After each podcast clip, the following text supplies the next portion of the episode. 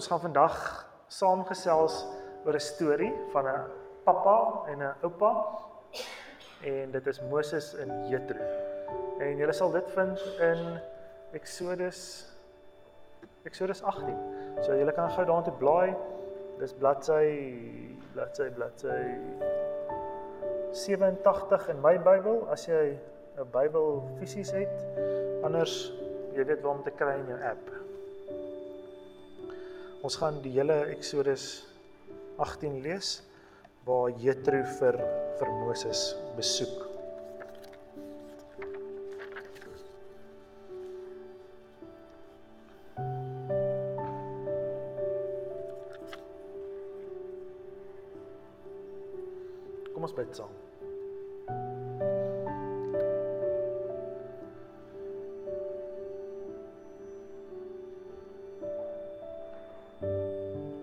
Ons Here Jesus Christus Here met die Bybel oop voor ons of dit nou papier en of dit nou 'n app is. Here, dit is u wysheid deur die eeue vir ons vandag beskikbaar. Here, help ons om te besef dat u met ons aan die werk is. Dat u ons wil ontmoet vandag. Help ons om ons harte, ons oë en ons ore oop te maak om te hoor en te sien wat U vir ons vandag wil sê. Amen.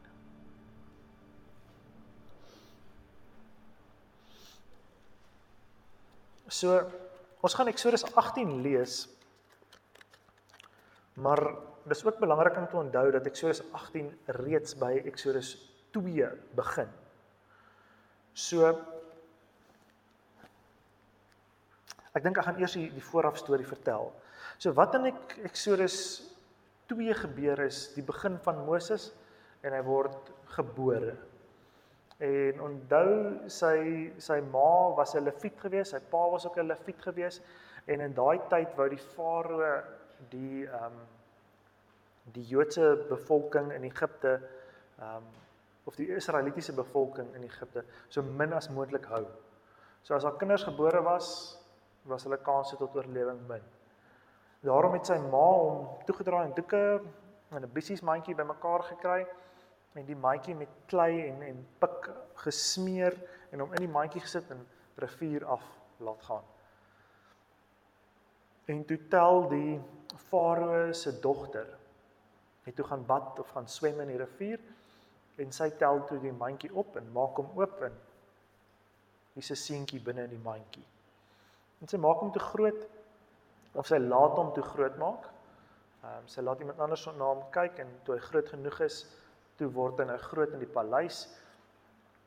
En op 'n dag sien hy dat 'n Egiptenaar regtig nie mooi werk met 'n Israeliet nie terwyl hom slaan terwyl die Egiptenaar die Israeliet slaan en Moses verloor sy meer en hy slaan die Egiptenaar dood. Die volgende dag is al weer twee um, Israeliete wat beklei en hy wil hulle stop. Hy sê vir hulle moenie beklei nie. En toe sê vir hulle vir hom, "Oké, okay, nou mag gaan jy ons ook doodmaak." En toe kom hy agter ek almal weet nou wat gebeur het en hy vlug. En hy's vir so om en by 40 jaar toe in die woestyn waar hy skape oppas. Nou dit is maar 'n uh, moeilike werk gewees want dit was woestyn, dis Karoo wêreld en hy stap rond saam met sy bietjie skape en hulle eet net nou maar bossies en gaan van put tot put trek hulle. En hy kom by die put en daar is Jethro se dogters besig om vir hulle vee weer te probeer water gee. Maar daar kom 'n bende aan wat die dogters pla en hy ehm um, beskerm hulle toe van die bende en hy gee vir hulle diere en water en almal is baie gelukkig. En hulle gaan terug huis toe en uh, Jethro sê vir hulle maar waar's die man wat julle gehelp het? En hulle sê nee hy's nog daar by die put. Hoekom het julle hom nie genooi om by ons te kom eet nie? Hulle gaan nooi hom hy kom eet by hulle. En kort voor lank het trou Moses met een van Jethro se dogters Sipora en hy het 'n kind by haar en Dan is hy weer besig om skape op te pas en die bos brand. En hierna 'n baie lang tyd roep die Here vir Moses en sê jy moet my mense in Egipte gaan bevry. En dan is daar baie wat gebeur. Moses gaan terug, gaan praat met die volk, gaan praat met die farao, dis die 10 plaae. Hulle is uit Egipte uit. Dit is die die Rooi See wat oop en toe gaan. Hulle is daar uit en hulle is by die berg. Nou Eksodus 18 net voor Eksodus 20 waar hy die twee eerste tablets ontvang. Ehm um, is Eksodus 18 en hier kom besoek Jethro nou vir Moses. So, kom ons lees saam. Jethro, 'n priester van Midian en skoonpa van Moses, het gehoor wat die Here alles vir sy volk Israel en vir Moses gedoen het toe die Here die Israeliete uit Egipte bevry het. Toe Moses sy vrou Sipora destyds teruggestuur het, het sy skoonpa Jethro haar en haar twee seuns in sy huis geneem. Die naam van die een seun was Gersom, want het Moses gesê, ek woon as vreemdeling in 'n vreemde land. Die naam van die ander was Eliezer, want het Moses gesê, die God van my voorvaders het my gehelp. Hy het my gered toe die farao my wou doodmaak. Jethro, Moses se skoonpa, het met Moses se seuns en sy vrou na hom toe gegaan waar hy in die woestyn by die berg van God kamp opgeslaan het. Jethro het vir Moses laat weet: "Ek is jou skoonpa Jethro. Ek kom na jou toe met jou vrou en jou twee seuns." Moses het toe sy skoonpa gaan ontmoet en voor hom gebuig en hom met 'n soen gegroet. Nadat hulle vir mekaar gevra het hoe dit gaan, het hulle in Moses se tent ingegaan. Daar het Moses vir sy skoonpa alles vertel wat die Heer wat die Here aan die Farao en aan Egipte gedoen het ter wille van Israel en ook van al die ontberings wat die Israeliete op pad gehad het en hoe die Here hulle bevry het. Jethro was bly om te hoor van al die goeie dinge wat die Here vir Israel gedoen het toe hy hulle uit Egipte se mag bevry het. Toe het Jethro gesê: "Aan die Here kom die lof toe. Dis hy wat julle bevry het uit die mag van Egipte en die Farao." Nou besef ek en hierdie is Jethro se aha moment. Epifanie. God verskyn vir Jethro. Nou besef ek dat die Here groter is as enige ander god. Want toe die Egiptenaars ver want toe die Egiptenaars vermetel teen die volk van die Here opgetree het, het hy hulle uit Egipte se mag bevry. Jethro, Moses se skoonpa, het brandoffers aan die ander en ander diereoffers vir God gebring. En daarna het Aaron en al die Israelitiese leiers gekom om saam met Moses se skoonpa aan die offermaaltyd deel te neem. Toe Moses die volgende dag gaan sit om hofsaake te verhoor, het daar het daar van die oggend af tot die aand toe mense vir hom gestaan en wag. Maar toe sy skoonpa sien wat Moses alles vir die volk doen, het hy gesê: Waarom doen jy doen jy die volk dit aan? Waarom tree net jy op as regter? En al die mense moet van môre af tot die aand toe vir jou staan en wag. Moses het sy skoonpa geantwoord: Die volk kom na my toe om na die wil van God te vra. As hulle in sake betrokke raak, kom hulle na my toe. Ek lewer dus ek lewer dan uitspraak oor die geskille tussen hulle en maak terselfdertyd God se voorskrifte en wette aan hulle bekend. Maar Moses se skoonpa sê vir hom: "Jy maak nie reg nie. Jy en al hierdie mense by jou sal totaal uitgeput raak. Die werk is te veel vir jou. Jy kan dit nie alleen behartig nie. Luister nou na my. Luister nou na my raad en mag God jou bystaan. Jy moet die volk se verteenwoordiger wees by God en alle sake voor hom bring. Druk die volk die voorskrifte en wette op die hart. Leer hulle die pad wat hulle moet loop en wat hulle moet doen. Verder moet jy onder die volk bekwame manne uitsoek, dienaars van die Here, mense wat die waarheid liefhet en nie hulle eie voordeel soek nie. Dan moet jy hulle oor die volk aanstel as leiers oor 1000, oor 100, oor 50 en oor 10. Hulle moet deurentyd vir die volk hofsittings hou. die belangrike sake na jou verwys word en die geringes moet hulle oplos. Dit sal vir jou makliker wees as hulle die verantwoordelikheid saam met jou dra. As God jou beveel om dit so te doen, sal jy met die werk kan aanhou en al hierdie mense sal dus tevrede huis toe gaan.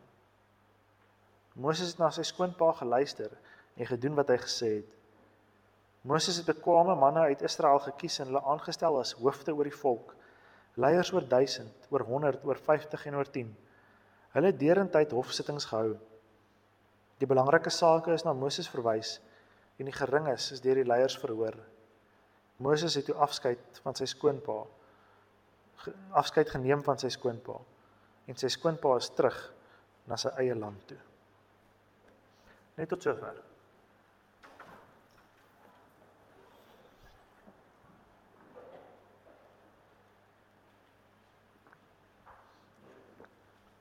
Dis 'n lekker storie van ehm, 'n um, 'n 'n seun en 'n pa of 'n pa en 'n oupa, of watter kant jy ook al na kyk, wil kyk na die storie wat by mekaar leer. En ek gedink is 'n lekker storie vir die begin van die jaar om ons ingesteldheid reg te kry vir hoe ons hierdie jaar gaan aanpak. Um om onsself af te vra dat weet ons die beste? Weet ek die beste? Of kan ek raad neem en gee aan ander mense?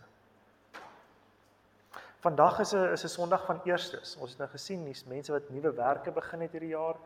Dis nuwe getroude paartjies. Ehm um, die graad 1s en die graad 8s, nuwe skole, nuwe omgewings. En 'n 'n goeie vraag om jouself af te vra is ongeag van waar jy nou in jou lewe is, wanneer laas het jy 'n eerste gehad? Wanneer laas moes jy iets doen vir die eerste keer? Wanneer laas het jy iets nuuts probeer? Iets anders as die normale.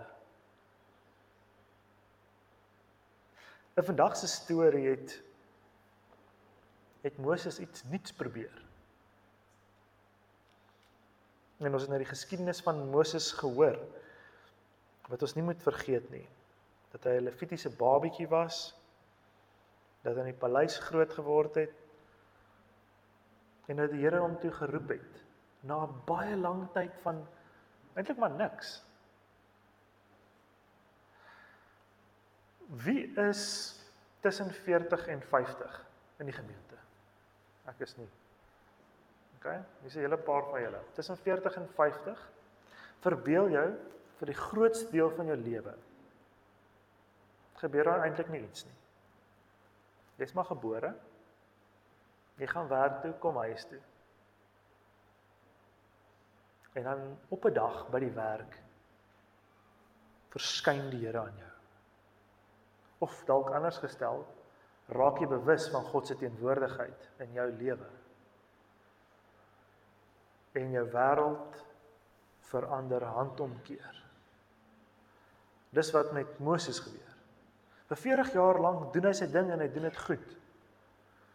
Dan op 'n dag by die werk, daar waar hy skape oppas, raak hy bewus van God se teenwoordigheid. Hoe die Here hom roep om iets heeltemal buite sy gemaksone te gaan doen. Hy het gesukkel om te praat. Maar hy moes 'n volk gaan lei uit Egipte uit. Wanneer laas het jy iets nuut gedoen? Wanneer laas het jy dit gewaag om te luister na die Here in jou lewe? Moses het bietjie meer as 40 jaar lank gevat om bewus te raak van God se teenwoordigheid. Moses wat 'n 'n moordenaar was. So ons het nie verskonings om te sê maar ons is nie goed genoeg nie. Die Here het 'n moordenaar gebruik om sy hele volk te bevry.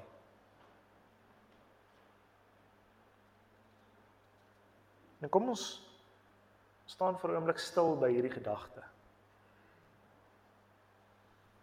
Dat die Here 'n moordenaar geroep het om die volk te bevry, te red. Maar ook dat Moses 'n baie lang tyd maar net sy werk goed gedoen het en dat dit goed was voordat hy die Here ontmoet het. Ingrypend ontmoet het om sy lewe te verander. Sy bestaan was maar bestaan van skape en bossies, water, kampe en klippe. En toe op 'n dag raak hy bewus van hierdie bos wat brand. En dit was maar 'n klein bossie. Daai daai bossies was waarskynlik maar so so 30 tussen 30 en 60 cm, nie eens 'n meter hoog nie. En die bossie brand. Maar hy brand nie uit nie. Moses raak bewus daarvan. Ons moenie haastig wees nie. Dis moeilik. Alles in vandag se kultuur sê vir ons om 'n ding so vinnig as moontlik, so gou as moontlik te doen en afgehandel te kry sodat jy weer na die volgende ding kan beweeg, moet wees so gou as moontlik, so vinnig as moontlik doen.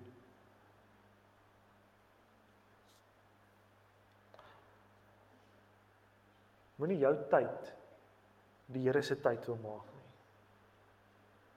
Dalk was dit nodig om 40 jaar lank niks te doen nie. Dalk is dit nodig om vir 40 jaar lank niks te doen. Die Here is met ons besig. Al besef ons dit nie altyd nie.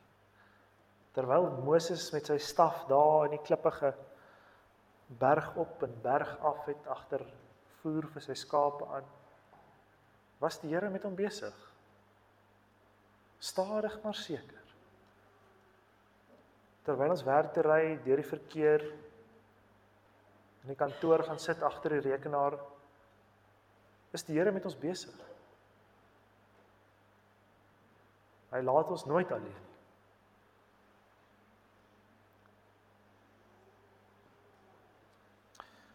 Moses lei die volk uit Egipte uit tot by die berg waar hy sy skoonpa, sy vrou en sy seuns weer ontmoet na baie lang tyd. 'n Belangrike ding wat ons moet raak sien in Eksodus 18 en Eksodus 2 ook is dat Jethro 'n Midianitiese priester was. Hy was 'n priester in 'n ander volk in 'n ander tradisie. Dis hoekom hierdie vers vers 10 en 11 so aha moment is vir Jethro. Want na hierdie storie wat Moses hom vertel het en wat hy ook gehoor het by sy landsgenote van hierdie hierdie magtige volk wat eintlik maar al die piramides gebou het en alles uit Egipte uit is dat die Here hulle daar uitgekry het en hoe sy eie skoonseun om hierdie storie vertel dat die Here saam met hom was om leiding te neem. Daar aha. Besef Jethro maar die God van Israel Jahwe is die ware God. Is die enigste God, is die grootste God. En dadelik prys hy die Here en hy bring dank en lof aan God en hy bring dadelik ook 'n offer aan God. Jethro se aha moment vanuit Moses se storie. 'n Midianitiese priester wat vir God ontmoet, bely dan en sê aan die Here kom die lof toe. Dis hy wat julle bevry het uit die mag van Egipte en die Farao. Nou besef ek dat die Here groter is as enige ander god besef ons dit dat God almagtig groter is as die internet. Groter is as social media. Groter is as plaaslike politiek. Wat ook al jou god is of jou afgod is hy's groter as dit. En Jethro het dit besef op sy ou dag nadat sy skoonseun 'n volk uit Egipte uitgelei het. Aha.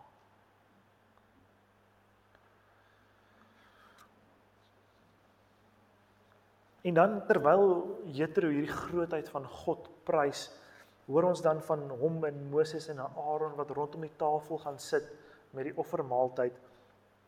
En dit wil ons terugbring na na die Moses van Eksodus 2 toe. Na die Moses wat net 'n man is. Na die Moses wat nie hierdie profeet of hierdie magtige leier is nie. Maar die Moses wat ook normale behoeftes het soos ons almal. Te eet en te drink en geliefd te wees. Moses die man is dan aan tafel saam met sy pa en sy vriend en hulle eet saam. En dan hoor ons hulle in offermaaltyd eh, deel te neem. So hulle hulle het saam geëet en dan tush is dit 'n stomp einde van die eerste gedeelte. En dan vers 13, toe Moses die volgende dag gaan sit. So hulle het lekker saam aandete geëet en gekuier en gelag. Hoopelik En dan breek die volgende dag aan en dis terugwerk toe soos gewoonlik. En Moses gaan sit en ehm um, ja, hy met sy werk doen. Die son bak op sy tent en die mense staan rye by sy tent uit. Lang rye. Ehm um, ek het net maar vir myself verbeel dat dit amper soos binlandse sake was wat ons vandag ken. Daai lang rye wat so staan en En hulle het nie 'n nuwe nouer gehad want toe hulle kon gaan nie. Hulle hulle moes maar middestad toe gaan en in daai ry staan by Moses se tent om 'n geboortesertifikaat of 'n paspoort of net hulle lewe agter mekaar te kry. Moses regeer met 'n enkele toonbank oor die hele volk. En dis eintlik dis eintlik nogal snaaks. Um Waar staan dit?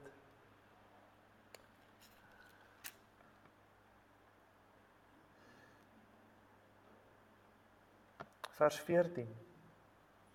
Maar toe sy maar toe sy skoonpa sien wat Moses alles vir die volk doen, het hy gesê: "Waarom doen jy die volk dit aan?" so hy hy hy sien so hoekom het jy net een toonbank?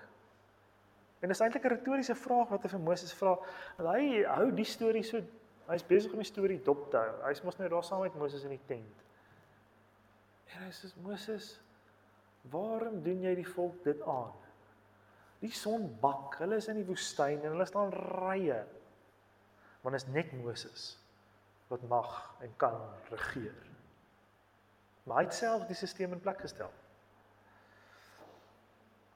En ehm um, dan vra hy vir Moses nou met die retoriese vraag: "Waarmee is jy besig? Wat doen jy? Hoekom doen jy dit aan die volk?" Maar hy wil eintlik vir Moses begelei om te sien wat hy sien, om tot nuwe insig te kom. En so kan ons onsself ook afvra by die huis en by die werk: Waarmee is ons besig? Hoekom doen ons dinge soos wat ons dit doen? Doen ons dit maar net so omdat dit nog al die jare so gedoen is? Of het ons 'n goeie legitieme rede oor hoekom ons dinge so doen? Waarmee is ons besig? En Moses antwoord dan sy skoonpa deur ehm um, die mooi sonnaarskool antwoord te gee, maar hy is aangestel om die wil van God te regeer en en te wys vir die mense, vir die volk. Hy moet hulle help om die wil van God te onderskei vir hulle lewe. Moses beweeg heeltyd tussen hierdie rolle van regter en profeet. En Moses was inderdaad 'n mediator tussen God en die volk. Maar dan in die in die um innovasiekringe praat hulle van pivot. Dan dan stel Jethro, Moses se skoonpa, iets heeltemal um buite die boks voor. Iets wat nog glad nie voorheen gedoen was nie. Iets wat die die regeringsstelsel van Israel heeltemal uh um verander. En hy sê delegeer jou werk. Gee beheer oor. Vertrou iemand anders. Voorheen was dit nie gedoen nie. Voorheen ek is in beheer. Ek moet hierdie werk doen. Dis net ek wat hierdie werk kan doen. Dis net ek wat met God kan praat. En sy skoonpa sê stel mense aan om met te help. Vir 1000 110 50 10 stel hulle aan. Laat hulle die klein goedjies hanteer, die groot goed wat hulle nie kan doen nie. Kan hulle na jou toe verwys. Sal jy so iets kan doen? Sal jy selfs oop wees vir so iets? Iets heeltemal buite die boks, 'n buite die boks voorstel. Jy's besig by die werk om jou normale daggoedjies te doen. En hier kom 'n kollega. Het sy van watter kant af, van onder af of van bo af, maak nie saak nie. En hulle sê hulle het nou jou stelsel geanaliseer. En hulle dink daar's 'n beter manier om 'n ding te doen. Gaan jy na hom of haar luister? Of gaan jy sê nee, Dis wat ons nou al die jare doen. Ek ek ek, ek kan nie ek, ek wil dit nie doen nie.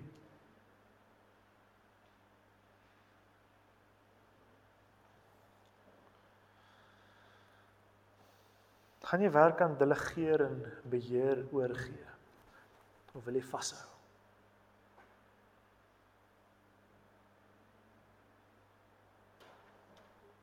Is jy bereid om raad te vat van iemand af? wat anders is as jy. Jethro was 'n Midianitiese priester.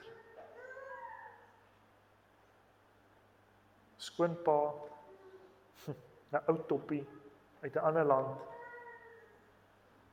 met wyse raad. Nou as Moses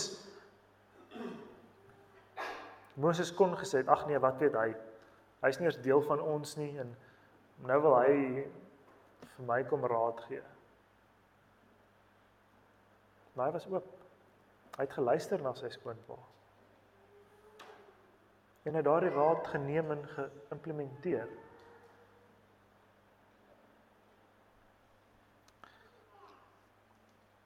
Priester van 'n ander geloof pas tot die besef gekom het wie die Here regtig is.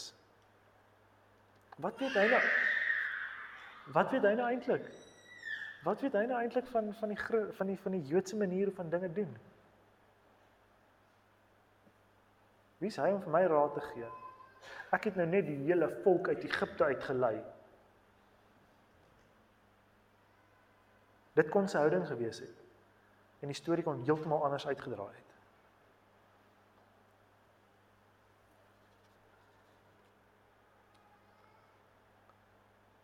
Wat duidelik raak is dat ons moet oorweeg, sterk oorweeg om wysheid, om wyse raad te volg vanuit onwaarskynlike oorde. Maar daardie wysheid gaan ons slegs raak sien as ons oop is vir die wysheid van God. As ons oop is om hierdie brandende bossies raak te sien.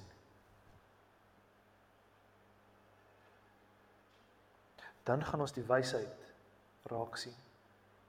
En besef waarmee ons te doen het. Andersins gaan goud net soos klippe vir ons lyk. En ons gaan maar net aangaan. So 'n vraag wat ons onsself kan vra is hierdie jaar kan vra is terwyl ons die jaar ingaan. Moet ons dalk iemand vir hulp vra? Moet ons dalk sê of net ja, bereid wees om oop te maak. Om te sê hierdie jaar hierdie volk Hierdie lang ry lê soos 'n berg voor my. Net jy raak vir my raad om dit beter te doen. sien jy dalk dinge raak wat ek glad nie eens raak sien nie.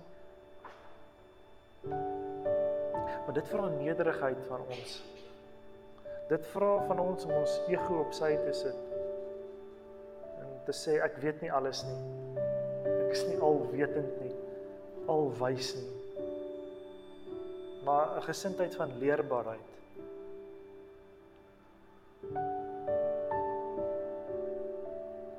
Hoe bewus is jy van die Here se teenwoordigheid in jou lewe? Moses het na sy skoonpa geluister en gedoen wat hy gesê het.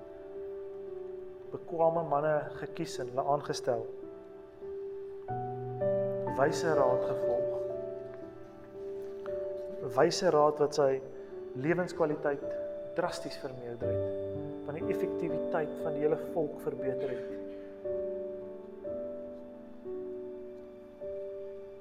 So watter raad druk jy oor voor toe? Watter raad is vir jou net te veel werk? Watter raad is net te moeilik? En wat moet jy dalk volg? Waar moet jy dalk meer indringend luister?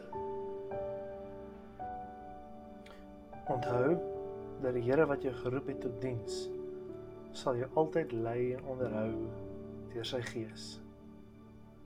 Amen.